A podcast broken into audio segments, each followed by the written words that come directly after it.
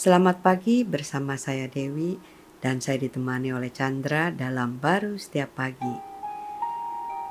Dalam kehidupan kita itu kadang kita merasa gelisah dan kegelisahan itu membuat hati tidak tentram, kemudian kekhawatiran akan datang. Tapi firman Tuhan berkata di dalam Yohanes 14 ayat 1, Janganlah gelisah hatimu, percayalah kepada Allah, percayalah juga kepadaku. Nah, kira-kira bisa nggak sih kita tidak gelisah? ya tergantung ya masalahnya seperti apa ya. Ada masalah kecil, orang pikir ya udah ignore lah. Misalnya, uh, you uh, punya duit satu miliar, ya kan, you perlu spend satu juta ya nggak ada masalah. Iya. Tapi kalau kamu duitnya cuma satu juta, perlu spendnya satu miliar bukan masalah lagi.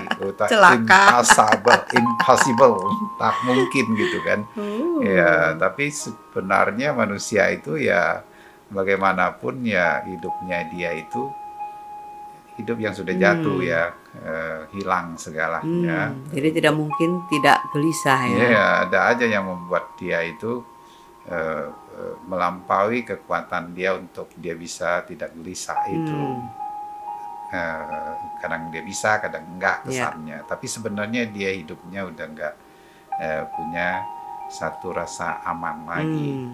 uh, maka itu uh, Tuhan bilang you nggak bisa lah hmm. uh, you perlu percaya kepada dia melalui penebusannya ya kan Betul. sehingga manusia itu dijadikan baru dengan damainya Tuhan hmm ya maka itu damainya ini nggak bisa dicari nggak bisa hmm. didapatkan dari dunia ini ya.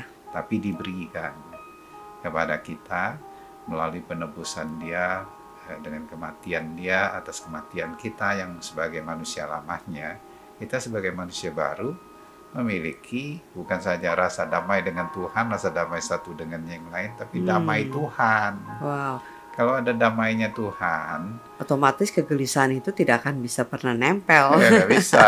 Kita eh, apa aja yang terjadi di luar itu udah, udah tidak bisa mempengaruhi damai dia yang begitu besar. Hmm. Orang bisa tinggal ya kita lihat di contoh Tuhan Yesus lagi kena badai bersama dengan murid-muridnya ya murid-muridnya merasa saja ya uh, sepertinya panik sekali hmm, tapi dia tertidur ya, mati itu tapi dia ringan aja kan. hmm. kan dia bisa tidur di tengah badai itu karena ada damainya itu yes. nggak bisa menyentuh dia amin nah dia ingin seperti itu tentunya hidup kita wow. jadi ya percaya kepada dia yang telah memberikan damai dia hmm. sehingga tidak ada faktor dari luar itu bisa mempengaruhi damai itu. Bahkan damai itu yang membuatkan faktor dari luar mengalami perubahan.